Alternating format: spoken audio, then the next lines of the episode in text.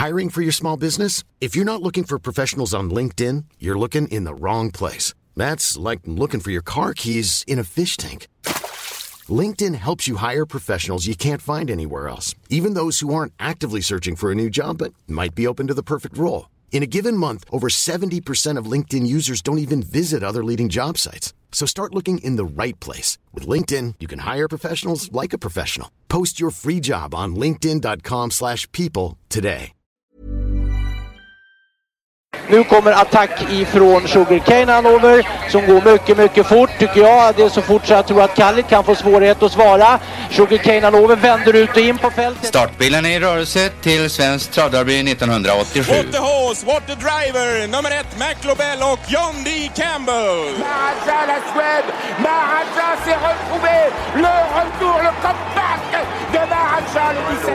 Vid något tillfälle att jag trodde att det var en av de bästa hästar jag hade tränat för. Det tolkades på olika vis. Du behöver inte misstolka det längre, för det här är den bästa häst jag har kört och tränat någon gång. Det är dags igen för ett nytt avsnitt av Trottosports podcast. Vi börjar närma oss avsnitt 100 till och med. En podd, en, podd. Någon podd. Eh, En podd. Eh, 97 är vi uppe i va? Vi hade tänkt att, stråla samman i, i, eh, vid 100 avsnittsjubileumet. Men det här jävla corona ställer kanske till det. Så vi vet inte riktigt hur det blir med eh, vårt jubileum. Eh, Någon slags extra grej tror jag det blir i alla fall. Ja, jubileum ska vi ju ha. Men, Oavsett, eh, ja.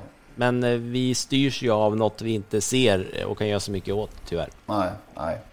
Men vi ser fram emot det i alla fall. Eh, vi går väl direkt in på vad som var det bästa sen senast.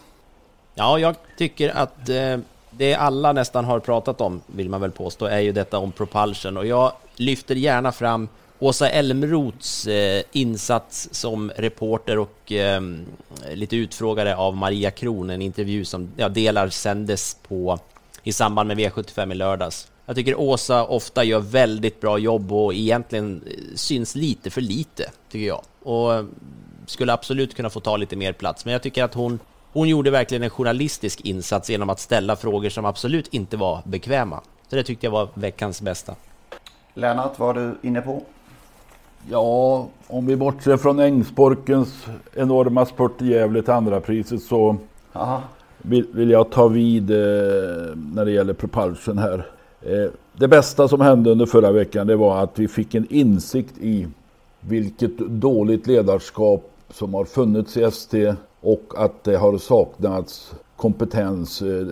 Man kan dra slutsatsen att SD inte har hängt med i utvecklingen på något sätt. Eh, den här utredaren försökte att skylla på två personer som har lämnat SD av olika skäl. Eh, det tycker jag är allt för enkelt. Eh, det SD behöver göra nu är att restaurera hela organisationen. Jag tycker man kan jämföra med de här bankerna, speciellt Swedbank som då hade tvättat pengar, eller varit bidrag till att tvätta pengar. Och det innebar att eh, chefer fick lämna Swedbank och att man bytte ut styrelsen åtminstone till vissa delar. Och jag tycker svensk travsport står inför ett avgörande om framtiden i, i travsporten. Och då är min fråga, har styrelsen verkligen förtroendet bland trav-Sverige? Eller i trav-Sverige, bland travfolket? Och är det rätt personer som sitter på ledande poster? Eh, jag sa inför årsstämman att den sittande styrelsen borde ha ställt sina platser till förfogande för att se, för att verkligen testa, är det de svensk travsport vill ha eller inte? Eh, det gjorde de naturligtvis inte och de kommer knappast att göra det nu heller utan de säger lite hurtfriskt sådär att ja men nu vet vi vad vi har gjort för fel och nu vet vi hur vi ska tackla framtiden. Eh, kan vi verkligen tro på att dessa människor nu som har varit med i den här röran och eh, sett till så att eh, travsporten skakas i grundvalarna. Alltså vi är tillbaka på mm, förtroende för travsporten som det var kanske på 60, 70, 50-talet där det var stora skandaler med stötkörningar och sådär. Alltså är inte svensk travsport värt ett riktigt uppvaknande? Ett, ett reningsbad, är det det du är ute Det var det jag sökte det ordet Ja. Henrik. Fanken kunde du komma på att jag letade efter redningsbad? Ja. ja, men dessutom så eh, flera av de som sitter i nuvarande styrelse satt ju även där när felen begicks. Eh, så att, eh, ja, och ingen vill ta, Ja, något, alltså- och ingen vill ta något ansvar. Ingen tar något ansvar utan man skjuter över ansvar på två personer som redan har försvunnit ut i kulisserna. Ja, vi kanske Eh. kan lyssna på, lyssna på vad Maria Kron sa om att ta ansvar i, ja, i dåtid eller i framtiden. Vi tar ju såklart, som vi har pratat om, vårt ansvar i, i hela ärendet. Ansvarsfrågan eh, formellt sett tas nu vidare till, eh, till ansvarsnämnden som jag har sagt. Men vi tar ju vårt ansvar genom att göra alla de här åtgärderna och den här utredningen som vi nu har gjort. Men Men det, det Mm. känns ju lite som ni lägger över allt ansvar på Salzetta och Daniel Redén. det är inte det vi har velat förmedla idag i alla fall. Så att då, tvärtom. Det är ansvarsfrågor eh, placerat på, lite, på ganska många olika håll och följdeffekter blir också på olika sätt. Här hör man ju just precis det som Lennart säger. Maria Kron hjälper oss att sammanfatta det en gång till. Det är ju, det är ju otroligt intressant att höra att det är, det är för framtiden man tänker ta ansvar nu. Och det är då de människor som, som ju kanske lämpligen först skulle frågas, ja, där, vi, där man ska fråga, är, är vi rätt människor för er? Eller vill ni ha några andra som tar ansvar i framtiden? Ja, det, är för mig självklart.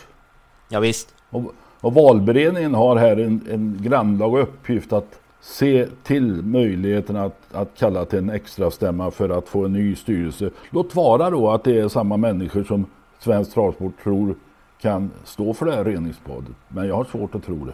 Ja, och jag, jag får ju inte ihop det heller därför att samtidigt som man nu säger att man då ska ta det här ansvaret, ansvaret i framtiden så har man ju den här inställningen att man har en helt otroligt stor förståelse internt i ST för alla de misstag som olika tjänstemän gjorde i samband med den här affären. Man har förståelse för allting, man kan förstå att handläggaren som registrerade inte såg de här grejerna, för det kan vara så att den inte var utbildad i vad de här termerna heter på engelska, vad det var, och någon annan som också inte kunde förväntas veta någonting. Men samtidigt som man säger att Daniel Redén, han borde ha fattat precis allting. Han har haft till tillfälle att förstå och ta del av information som hon säger om den här nätsnittningen i samband Ja. med köpet.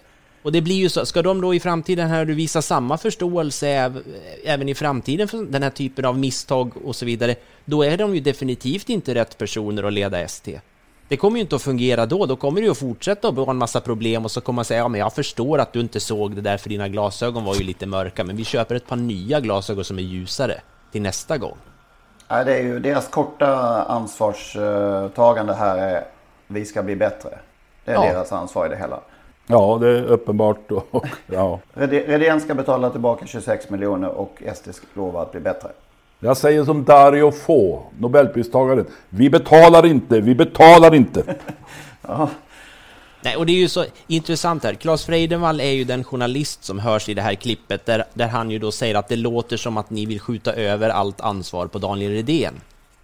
Och då säger ju Maria Kron att nej, det har ju de inte alls tänkt göra. Och sen det här tvärtom, säger hon.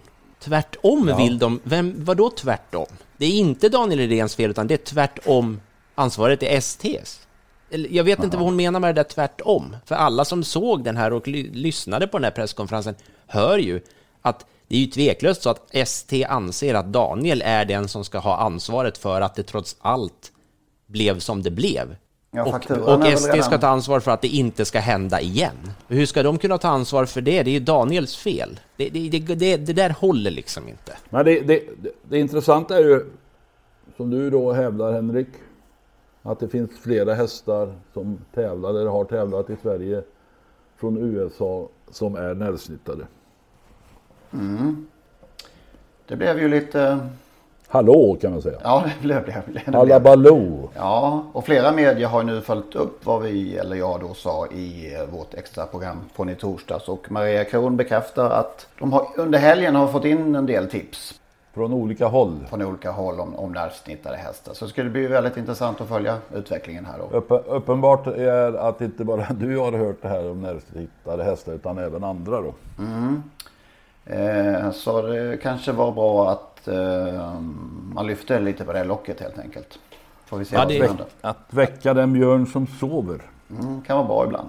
Ja, det är ju ett, det är ju ett eh, tufft eh, jobb de har, ST, att, eh, att hitta nervsnittade hästar. När man tittar man på hur det ser ut i galoppen så där, där vissa vill ju hävda att det är vanligare att man nervsnittar galopphästar. Eh, det är i alla fall så att man snittar många galopphästar.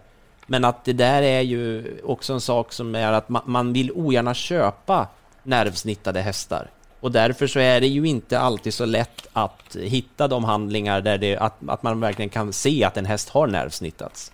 Så det, att, nu, nu är det många som hävdar här nu att, eh, att de tror att mörkertalet är mycket litet kring detta. Ja, det tycker jag är fascinerande för att eh, eh, den som vet vad Google är kan faktiskt ganska snabbt eh, förstå att eh, det här med nervsnittning är, är ju sorgligt nog väldigt, väldigt vanligt. I alla fall i förhållande till att vi för ett år sedan eller ett halvår sedan drygt inte visste vad det här var ens. De allra, allra flesta av oss hade ju inte ens hört att det fanns något som hette nervsnittning. Nu vet vi vad det är, men och, och kan man då börja titta på de här, de här den här engelska termen nerved eh, som vi har lärt oss att det heter, då, då hittar man ju rätt, det finns rätt många rättsfall till och med där ju hästar i, i har, där man har upptäckt att de är nervsnittade helt enkelt i samband med helt andra skador. Så har man hittat R efter nervsnittningar och förstått och då sen kunnat att konstatera att det är så. Så att eh, ehm, det gäller att det finns dokumenterat det här. Tittar man på hur man har gjort i, i Propulsion-fallet så har man ju hittat R och som man sen då har verifierat med veterinären som har gjort ingreppet och han säger, eller hon, eh, vad de är var, att det stämmer överens med vad ingreppet gjordes. Det är så långt man kommer här, men man kan inte se att det är en nervsnittning som har genomförts, utan det utgår man ju ifrån eftersom det är på det stället det ska ha gjorts. Då.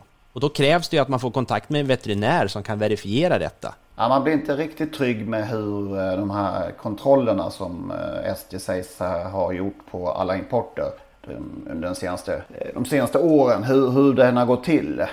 Prakt, rent ja, men det, det är väl, de har väl gjort det så enkelt som möjligt. Man har tittat på de här certifikaten då. Om det har stått angivet där som det uppenbart har gjort på Propulsion.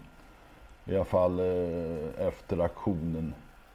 Eh, och där finns det ju inte angivet för ingen ägare.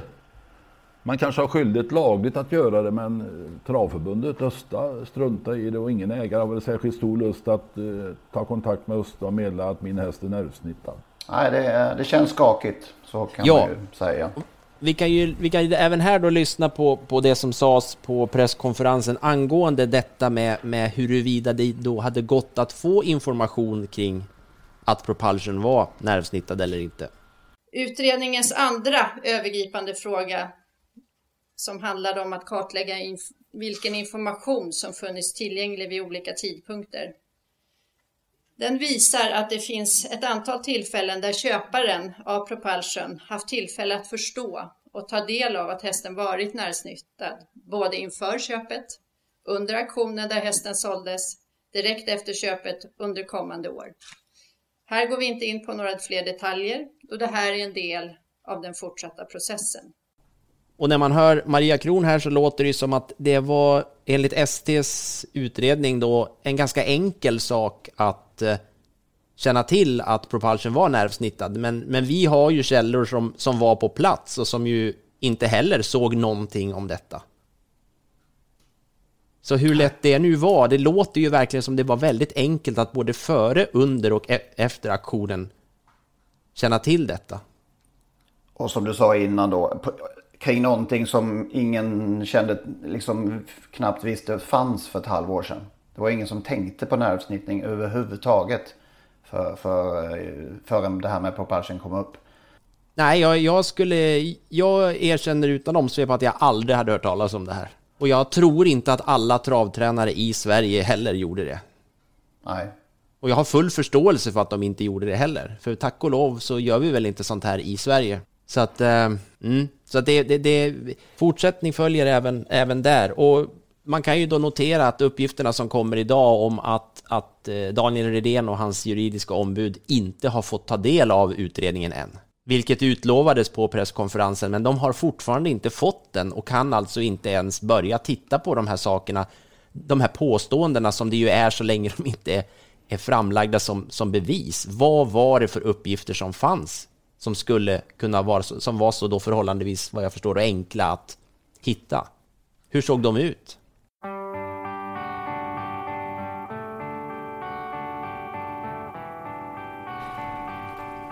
Ska vi gå över, höll jag på att säga, till lite annat fiffel och båg. Vi tog upp eh, Pulemjott. Dök upp Ja. förra, förra veckan. Och du har Han dök eh, upp, ja, men han dök upp där. Pulemjott var ju ett... Eh, namnet platsar ju på P tycker jag. Pulemjott. Ja, absolut. Det var en, eh, en import från eh, gamla forna Sovjetunionen. Får man snitta där tror du? Ja, det vet jag inte. Han såg inte ut att vara snittad. Han, hade inte, han var inte helt fläckfri i travet. Eh, han eh, vann alltså ett lopp eh, i januari, eh, första januari på, på Gävle. Eh, och... Eh, Vilket år pratar vi? Ja, 1968. Mm. Bengt Kylanberg körde. Eh, sen, kom han, sen kom han tillbaka, vann som stor favorit. Sen kom han tillbaka tre veckor senare och då var det Stig H Nilsson som körde. Han som senare vann derbyt med Nino Blazing, det kommer till och med ni ihåg. Ja visst. Pulemjott var stor favorit men utgick tidigt i loppet.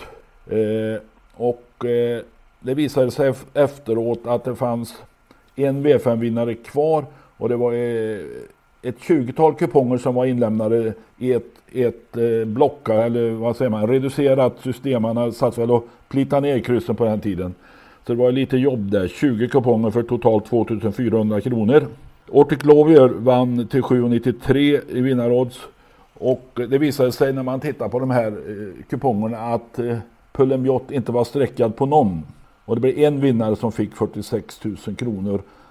Och det eh, kan man ta för givet att det var någon i kretsen kring, kring just den här Pulemjott. Eh, polis kopplades in, man gick till och med med metalldetektorer där på Gävletravet och letade efter de där tappade skorna som var upphovet eller som Sigurd Nilsson uppgav varför han körde av banan. Det var nog vinterbana så han kunde inte fortsätta. Men man hittade aldrig några skor.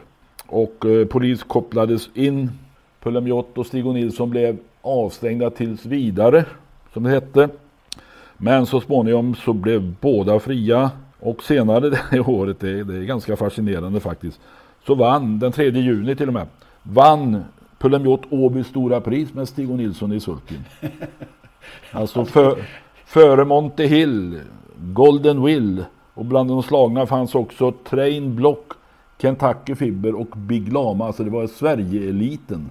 Ja. Jag tror också han vann Skärdsvärds minneslopp eh, det, samma år. Den här, ja, förundersökningen eh, lades ner där i Gävle i alla fall och ingen blev dömd. Eh, men eh, ja, vi kan nog betrakta det som en Toto-cup. Fa- Fascinerande hög insats på en, sån omsättning. Eh, 2,4 på när man kan vinna max 46 000. Det är ganska... Ja, det kan man ju säga, men det är ju 2400, ja det är ju 20 gånger pengar spela 2 500 på en 20 så det är väl inte så jäkla tokigt heller. Det gick ju inte att vinna så mycket pengar på den tiden. Och Nej.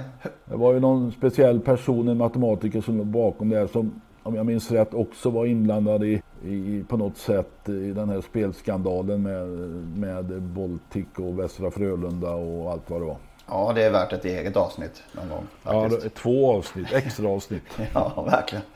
Ja, det är ju fas- fascinerande. Jag har aldrig hört talas om det där. Nu läste jag, läste jag den här den texten som Roger Nygren skrev i när Gävle, Gävletravet gav ju ut en tidning där när de fyllde 80 år och då fanns det ju en, en liten text om det här med Pulemjott och det är ju, ja, ja, det är Mm, det är apropå det här med fiffel och båg och travsportens rykte. Det, den, Nu kom jag på en sak. När hästen senare skulle starta, kanske att det var på Jägersro, så spelade man eh, en låt i högtalarna där, eh, Ta av dig skorna. Det var ju. Povel Ramel eller något sånt där.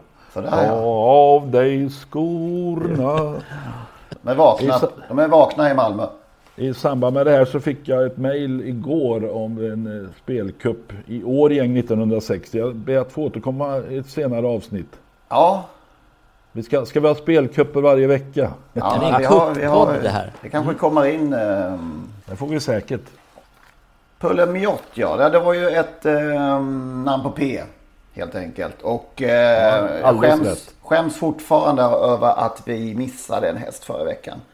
Eh, det, det är i och för sig samma varje, varje avsnitt att man tappar hästar som man gillar och eh, namn som man gillar. Men Pixie är ju oförlåtligt i princip.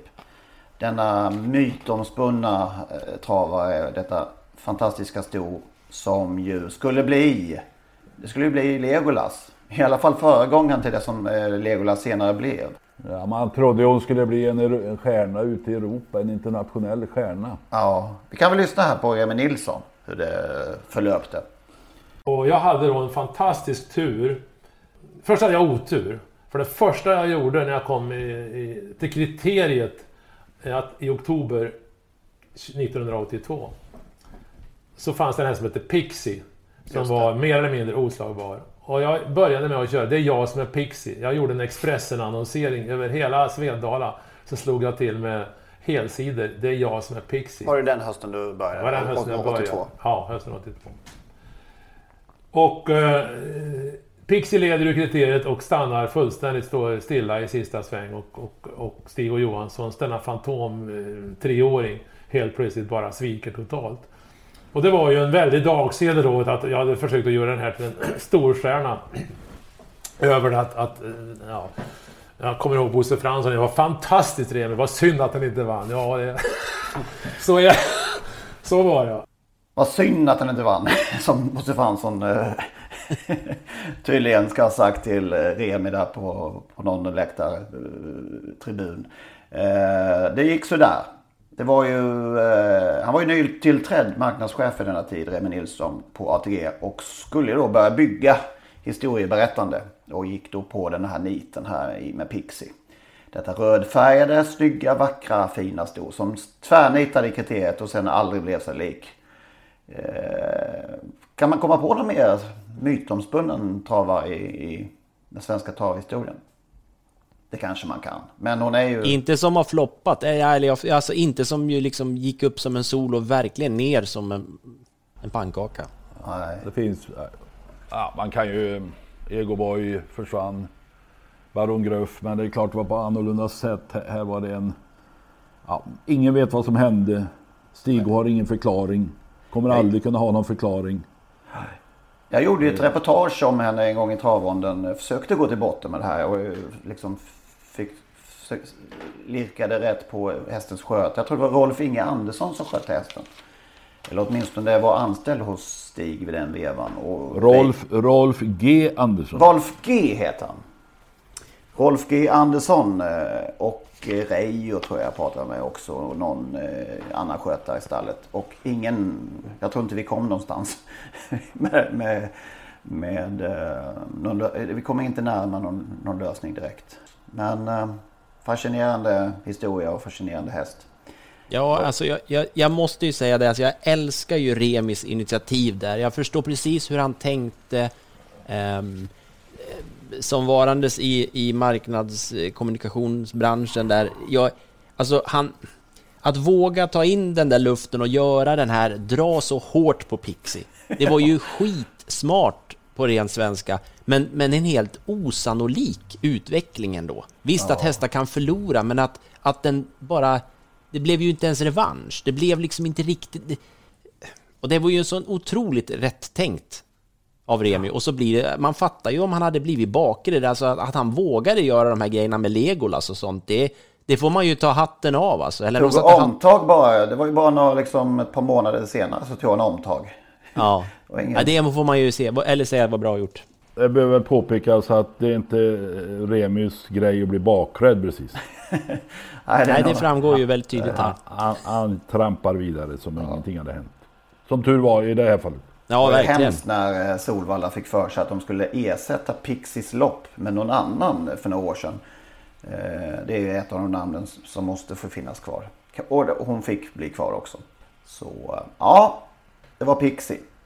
Det var en Vilket- gammal bokstav. Ja, det var en gammal. Nu kör vi nya. Och den fantastiska bokstaven Q är vi framme ja, då alltså.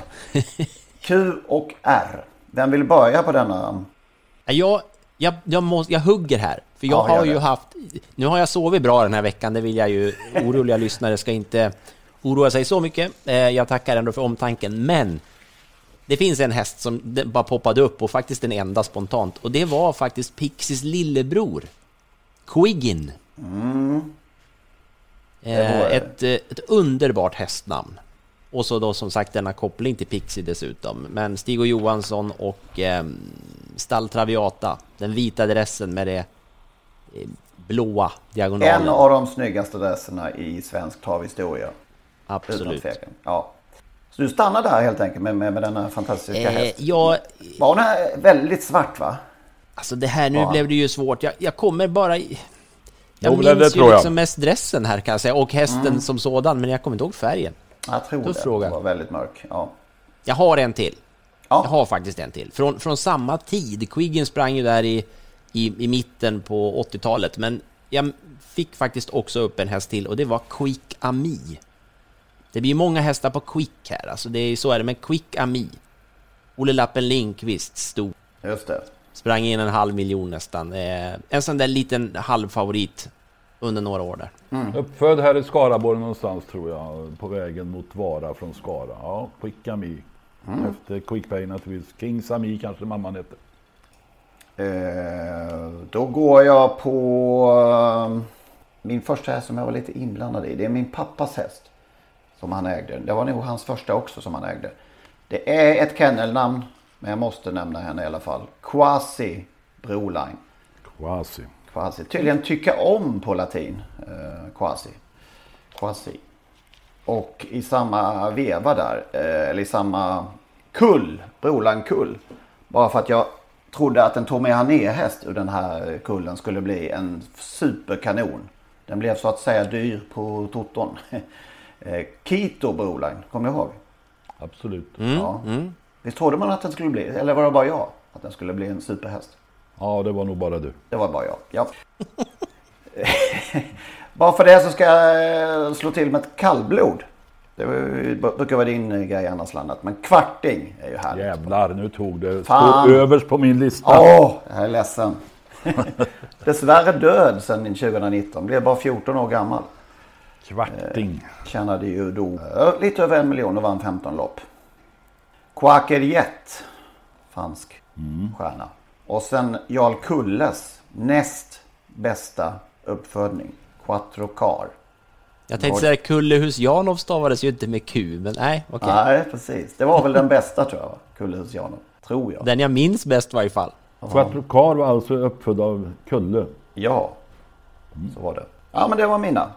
Ja, man får ju ta som en uppsamlingen här men jag vill ju ändå då påminna om den eh, mest givna på Q som heter Queen L. Ja, den släppte vi.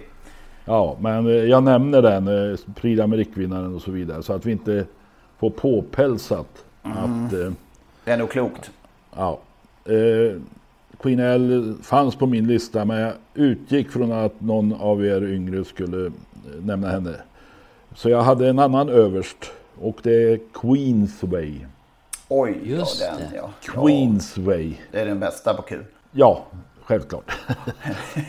Vann ju Storchampionatet 1980 med Göran E Johansson. Uppfödd av bröderna, de äldre bröderna på Brättefors eh, i Grästorp. Alltså, eh, Queensway är ju en gata i Bayswater i västra London om jag minns rätt. Och känd för sina restauranger från Kina och Mellanöstern. Hon vann 22 lopp, sprang in 618 000. Alltså hon har också många avkommor och de som ägde Queensway har avlat på henne och har då näm- eller namngett sin, sina avkommor eh, efter eh, platser, eh, tunnelbanestationer och så vidare i London. Maida Vale är den bästa 700 000. Och Maida Vale är väl en, en eh, stadsdel för noblessen, för de burgna i London. Eh, det var Queensway. Jag, eh, jag vill också nämna en eh, fransk häst då, Quella Chedé. Hon som vann eh, Prix d'Amérique 1989 när Orasi var ute efter sin fjärde raka seger. Då slog Roger Baudron till med Quella Chedé till 70 gånger någonting. Eh, sen kom Orasi tillbaka och vann året efter sin fjärde seger. Men sviten försvann 1989 och jag hade förmånen att få träffa Roger Rocher hemma eh, på hans gård många gånger tack vare min eh, synnerligen gode vän Göran Järreholt som ju inte finns med oss mer. Q var det med slut för mig. jag gör det, jag ska inte säga att jag gör det lätt för mig, men jag känner ändå att, apropå, vi nämner Queen L, men jag, jag tänkte jag vill ändå nämna Quick Pay också. Eftersom Ja, på Q absolut. finns det hur mycket hästar som helst som heter något på, på Quick. Och i princip alla är ju döpta efter den Quick Pay som alltså har 1100 drygt registrerade avkommor i Sverige. Och jag ska inte, han dominerade väl kanske inte aveln, men han var ju jättestor. Han finns ju i, i nästintill varenda stamtavla nu med, med, med Victory Tilly då som given etta bland sina avkommor men med jag skulle 37 säga, det, kan, det vara den, eh, kan det vara den viktigaste eh, avelshingsten i, i svensk eh, travhistoria? En, en av de viktigaste naturligtvis, eh, ingen tvekan, en avelsmatador, stod på Lassagården i Vara. Just den här som förde in det amerikanska blodet på allvar, var det inte det? Ja, ja vi har haft tidigare Bullwalk. Mm. Eh, stora avelsmatadorer, men Queen eller Quick Pay, absolut en av de viktigaste. 226 miljoner har avkommorna sprungit in. Det duger. 4278 segrar. Nu får du börja på R då Lennart, du som var sist. Där ser man. Ja. Eh, Adam, sonen, sa i morse eh, jag flyttar hemifrån om du glömmer att nämna Rötger Raket. Den fanns inte på min lista men av någon anledning så, så fastnade han för, han är inte särskilt travintresserad, han följer med lite grann, men han fastnade tidigt för just Rötger Raket. Eh, Min första häst på R, Ricky Tiki Tavi. Ja, bra. Kriterievinnaren för Gunnar Nordin 1967. Tvåa i ett av de mest uppmärksammade, mest bejublade derbyn året efter när hemmahästen Björn vann. Eh, alla hämningar släpptes lösa. Program flög i luften. Porslin krossades på restaurangen.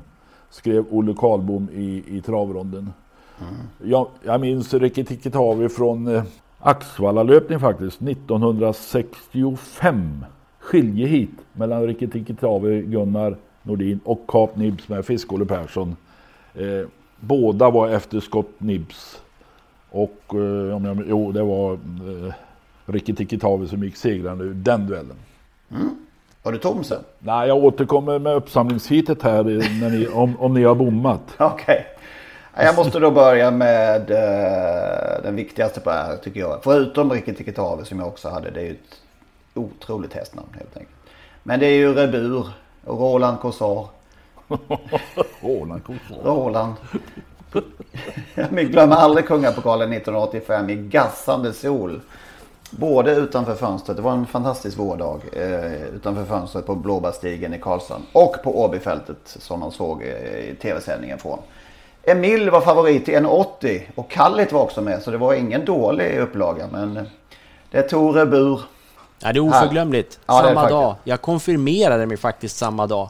Jag Okej. kunde inte tänka på något annat än att alla gäster och sånt där skulle åka hem så att jag hann se V65-sändningen där som skulle börja. Det... mm, Ja, jag hade minns det mycket Hade du kostym? Nej, jag hade då den här... äh, Det är ju otroligt att man är konfirmerad, men det är också en annan podd. Men jag hade den här vita, vad det nu heter man har på sig då, Ja, dräkten. Och under den, jag är jäkligt bra på att klä mig. Jag hade en eh, horisontell eh, linjerad, alltså det var, jag hade linjer på tröjan under. Så att det Men var ju ned till, oerhört ned, fult. jag är intresserad av ned till. Ja men det vet du väl, under en sån här konfirmationsdräkt så är det väl som skottarna va? Ja, då Det var ändå inte, maj. Då behöver du inte fundera på att ha gylfen stängd med det. Nej, och då tar vi det kort och sen ska du få fortsätta Henrik. Det var första gången som jag drack eh, vin. Jag hade varit på sån här nattvard även innan då, för man var ju tvungen att gå i kyrkan. Men där och då, under själva den här konfirmationsakten, så för första gången ska jag dricka vin. Och jag tog en enorm klunk när prästen kom med den här. Och det höll ju på att sluta med förskräckelse, inte för att jag vinglade, men jag fick ju så mycket vin på en gång i kroppen där så att det var... Jag var ändå vaken när jag såg eh, Kungapokalen sen. Mm. Ja, du kör lite snabbare. Ram, Ramrico, Lars Axelsson, det måste ju nämnas. På tal om Gävle va? Eh, Reveny. Självklart. Självklart. Lut- Ludvig Koldinis stora stjärna. Eh, Rulle Rapsson. Härligt namn tycker jag. Ja, och så Royaling, eh, Hannes eh, storchampionatsvinnare. Det var Örjan Kihlsons första riktigt stora seger va? Man säger så. Ja, i alla fall i Sverige. Ja. Eh, ja, Royal. Och så Rosalind Sky. Mycket för att han var med i det där eh, enorma Elitloppet 1985. Det där citatet med Torbjörn Jansson i vinnarcirkeln efteråt kan man ju höra eh, om man vaknar på natten. Jag var mycket optimistisk hela loppet alltså. Men 300 kvar förstår jag att det grejer sig nog det här. Men Vejos häst var mycket bra den också. och det var alltså Rosalind Sky som var väldigt nära i mål där ju bakom Meadow Road. Det var mina. Ja, Ja, jag, jag får fylla på här nu då. Ja, jag ska bara, jag gör så här, jag tänkte bolla över till dig nämligen Lennart, genom att bara säga, eftersom jag sa så mycket om Rebur som jag ju också hade på min lista, så vill jag säga Rita Lyngholm och lämna över till dig Lennart, för jag vill veta någonting om Rita Lyngholm. Detta vackra namn och... Hon var ju danskfödd. Danskfödd. Ja. Hos Hans Svensson. Eh, och var med i VM-loppet i, i USA med Olle Lindqvist om jag minns rätt. Eh, eh Vann Dans Derby, Momarken, Grand Prix, Copenhagen Cup, Dans mästerskap, eh, guld, EJs, EJs guldsko och så vidare. Nu, nu tjuvläste jag, så jag var förberedd på Rita Lyngholm. Så jag hade, Misstänkte det? Jag hade ett litet papper här med henne. Östgötaloppet i Manto. Det var en oerhört läcker travare efter Lord Valentin. Och vann 26 eh, lopp, 187 starter sprang faktiskt in över en miljon född 1970. Star Hans, eh, Hans Svensson och hans pappa konsthandlaren Kurt Svensson eh, hade ju en... Ja, de importerade, köpte ofta hästar i Danmark. Rita Lyngholm, mycket vackert namn. Verkligen. Jag, jag fyller på med Ravello som kanske inte är jättevackert men jag var med och ägde den där. Ihop med Kari Läderkorpi på slutet innan vi sålde den till Frankrike. Och så vill jag nämna i det här sammanhanget den eh, elake Rollo. På vilket sätt var han elak? Han var elak mot människor om jag har förstått det rätt. Okej. Okay. Mm. Eller farlig att handskas med kanske är bättre uttryck då. Var du klar eh, Magnus? Ja, jag tycker att Rebur fick en sån utläggning så att eh, ja. vi eh, stannar där. Ja, det gör vi.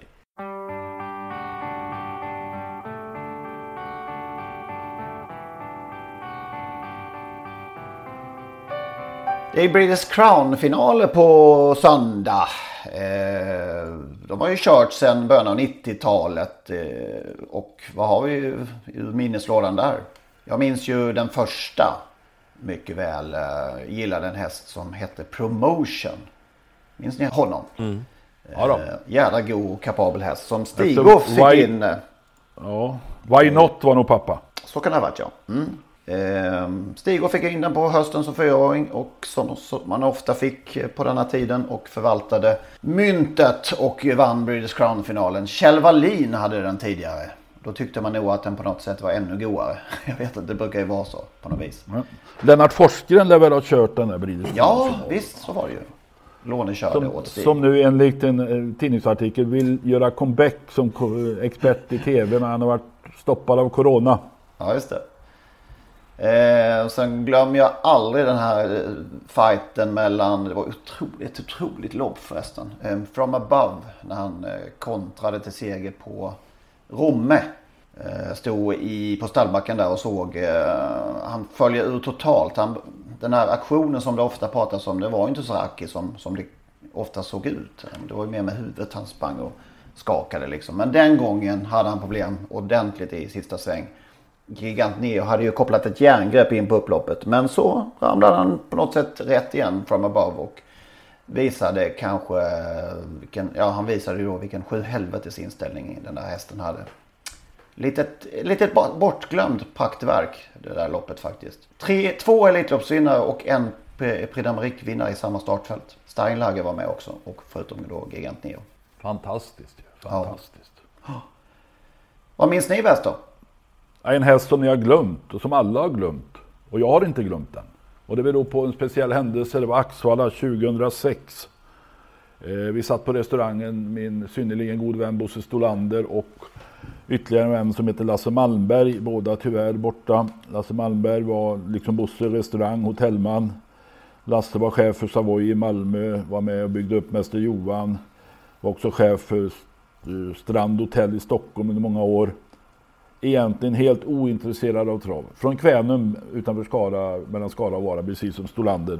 Helt ointresserad av trav, men den här lördagen skulle han med på Axvall. Vi satt på restaurangen och inmundigade god mat och dryck och eh, Lasse spelade väl någon hundring i något lopp. Och så kom vi till det här Breeders Crown finalen för treåriga hingstar och vallacker. Men herrejävlar, för titta på den här hästen. Nummer 12.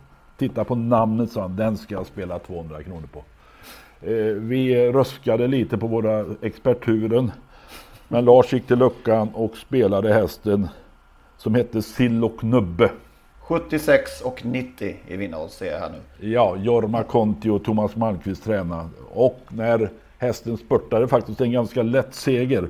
Då Mm. ställde sig Lasse Malmberg upp, höjde armarna mot skyn och så skrek han Hovmästaren, bär in mer snaps. Det förstår jag. Det förstår jag mycket väl. Ja, fantastiskt alltså. Det är ett lopp som det överhuvudtaget har skällt väldigt mycket i. Vi har eh, Watkinson Say 1994, 54 gånger pengarna. Får jag säga, Watkinson säger det är en pokerterm tror jag, något sånt där va? Ja, just det. det Trinity. det- Ja. 40 gånger pengarna året därpå. Watkinson Say var uppfödd av en mycket god vän till mig, eh, Sven-Olof Ulverius i Skara. Mm. Eh, och såldes senare till ingen mindre än Åbys sportchef Greger Söderberg. Okej. Som också tränade hästen när den vann Breeders Crown-finalen. Oj, oj. Barracuda River har vunnit till 20 gånger och Jonesy den senaste riktiga skrällvinnaren till 56 gånger för Thomas Korvenoja. Hösten, är skräll, eh, alltså hästarna börjar gå ur form och så vidare. Va? Just det. Och i fjol vann, Jag måste- fjol vann ju- Europaettan Brother Bill. För övrigt. Ja, just det. Ska vi verkligen behöva prata om det nu? Jag tänkte jag skulle nej. få prata om vad jag minns mest Ja, av det, Breeders gör det, Crown. Gör det. Apropå höst och apropå skrällar. Fakt jag minns en grå novemberlördag. Och jag backar till och med faktiskt då till, till fredagen, för då var det sån här dubbeltrav. Jag och Alf G Larsson som ju jag åkte otroligt mycket på trav tillsammans med under några år. Vi åkte ifrån Avesta ner mot Kalmar, en lång tråkig bilresa där och tog in på hotell och hamnar på samma hotell som eh, ja, Kattis, jag vet inte om Tarzan, han, om han bodde på hotell eller om han åkte, körde traktor hela natten och sen åkte ner på lördagen, det, det ska jag inte säga. Men på kvällen, fredag kväll efter travet där så satt vi i baren eh, och då satt det en ung kille vid den här, vid, vid baren också. Som jag faktiskt växlar några ord med, jag tror inte han minns det. Jag kommer ihåg det därför att det, detta då var Daniel Redén, som ju var skötare hos, hos Kattis och Tarzan där, och vars Rydéns Randy sen skrällvann. Så jag åkte ur, då alltså på lördagen, skrällvann treåriga Storna, treåriga Stornas Breeders Crown-final. Och jag flög all världens väg på V75. Vi pratade för lite i baren där helt enkelt. Jag är ju så timid av mig, jag ställer ju inga sådana frågor utan jag, är- det där, har du någon vinnare? Den frågan har jag aldrig ställt. Ja, många andra har gjort det däremot. Ja, det kan man säga. Rydéns Randy. Det är förresten en häst på R.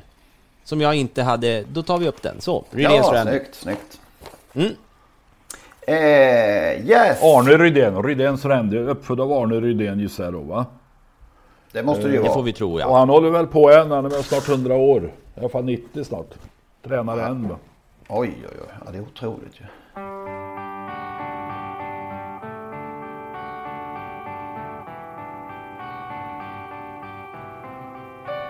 Efter floppen i lördags här får vi se om det finns några vinnare på lördag istället. Kennedy var ju värt ett bättre öde. Jag tycker du är oerhört, oerhört elak som kallar det för en flopp. För att den här programpunkten nu, jag tänkte innan V75-dragen presenteras, tänkte jag att vi skulle köra nu Magnus ältar. För så har det blivit nu. Ja. Ja, jag ska inte göra det långt, men Gasoline Miraz i första V75 var ju helt osträckad, totalt felsträckad och såg ju stenklar ut 300 kvar. Där skrek jag bort halva rösten i lördags, tänkte att jag skulle få en drömstart på V7. Och sen när det då inte blev så, så fanns ju fortfarande Kennedy kvar. Såg stenklar ut 300 kvar och då försvann all röst. Och han vann inte heller. Eh, det var en jobbig lördag, igen, eh, på V75. Det brukar vara Så är det att vara spelare också. Eh, man, man vet det. Det vet vi, alla vi vänder blad, det gör alla. Vi vänder blad. Ja, vi gör det. Vi gör det.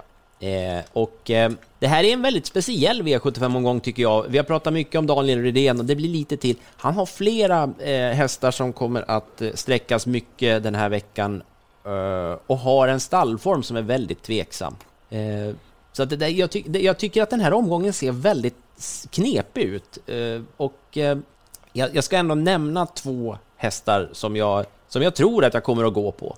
Som det ser ut nu i V75 2 så blir den här Deal Done Set, Daniel Redéns, inte, lite lik Propulsion för övrigt den här Deal, Deal men har, har svårt med aktionen och får ingen riktig feeling för att det kommer att funka över 2,6 utan jag tror betydligt mer på, på Peter Salmelas, nummer 7, Amorcer Levallo, Ulf Olsson kör. Det ser ut som att Örjans häst, eller Daniels häst, då blir något mer sträckad. Jag tycker att Amorcer Levallo är, är intressant, men i samma lopp där så finns, har Anders Eriksson med en riktigt spännande häst också, Global Above All, som, som verkar bli ungefär lika lite sträckad som den här Gasoline med Russ. Så att 3 och 7 ett eh, lite fräckt lås där i V75 2. Yes. Eh, sen tycker jag att det är spännande eh, i avdelning 4. Där har Björn Goop anmält Gassabier som gick bra senast och nu har han anmält Gassabier barfota. Står på start eh, över 3100 meter och 40 eh, meter bakom så har Katja Melko en fransman som heter Karat du Gauthier, som jag aldrig hade sett, men hon, den här, han står perfekt inne i loppet, så jag var tvungen att försöka eh, hitta lopp i, i arkivet här på, på den och jag fick ingen feeling för att den ska kunna ta 40 meter på Gassa BR. Det är en väldigt speciell häst. Om, nu kan ju Katja ha gjort något fantastiskt, men jag, jag tycker Gassa BR ser väldigt spännande ut. Eh, och, och sen ska jag scrolla mig neråt här till vad hade jag kvar egentligen där tror det Kan, kan det vara de där två? Eh, vi har ju Vagabond B som blir jättestor favorit i silverdivisionen. Eh, och det är väl inte så mycket att säga om. Och sen kommer jag då till avdelning 7 där jag... Nu har jag nyss bäsat Redéns hästar här, men, men Heavy Sound visar ju inga tecken på formproblem i, i, i starten på Gävle och eh, lite mer självförtroende i, i Kenneth Haugstads eh, körhänder den här gången så bara bombar han på. Så då, då tror jag att eh, Heavy Sound kliver runt dem. Saren Fas är ju jättebra, men innerspår känns chansartat. Så Heavy Sound, nummer 10, V757.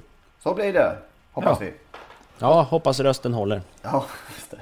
Något att tillägga innan vi kör eh, av vägen för den här gången? Nej, inte just nu. Vi återkommer med en podd om en vecka. Det gör vi.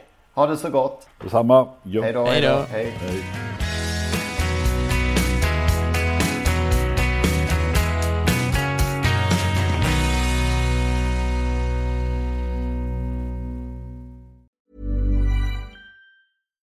Deserves the best, and there's no better place to shop for Mother's Day than Whole Foods Market. They're your destination for unbeatable savings, from premium gifts to show-stopping flowers and irresistible desserts. Start by saving 33% with Prime on all body care and candles. Then get a 15-stem bunch of tulips for just $9.99 each with Prime. Round out Mom's menu with festive rosé, irresistible berry chantilly cake, and more special treats. Come celebrate Mother's Day at Whole Foods Market.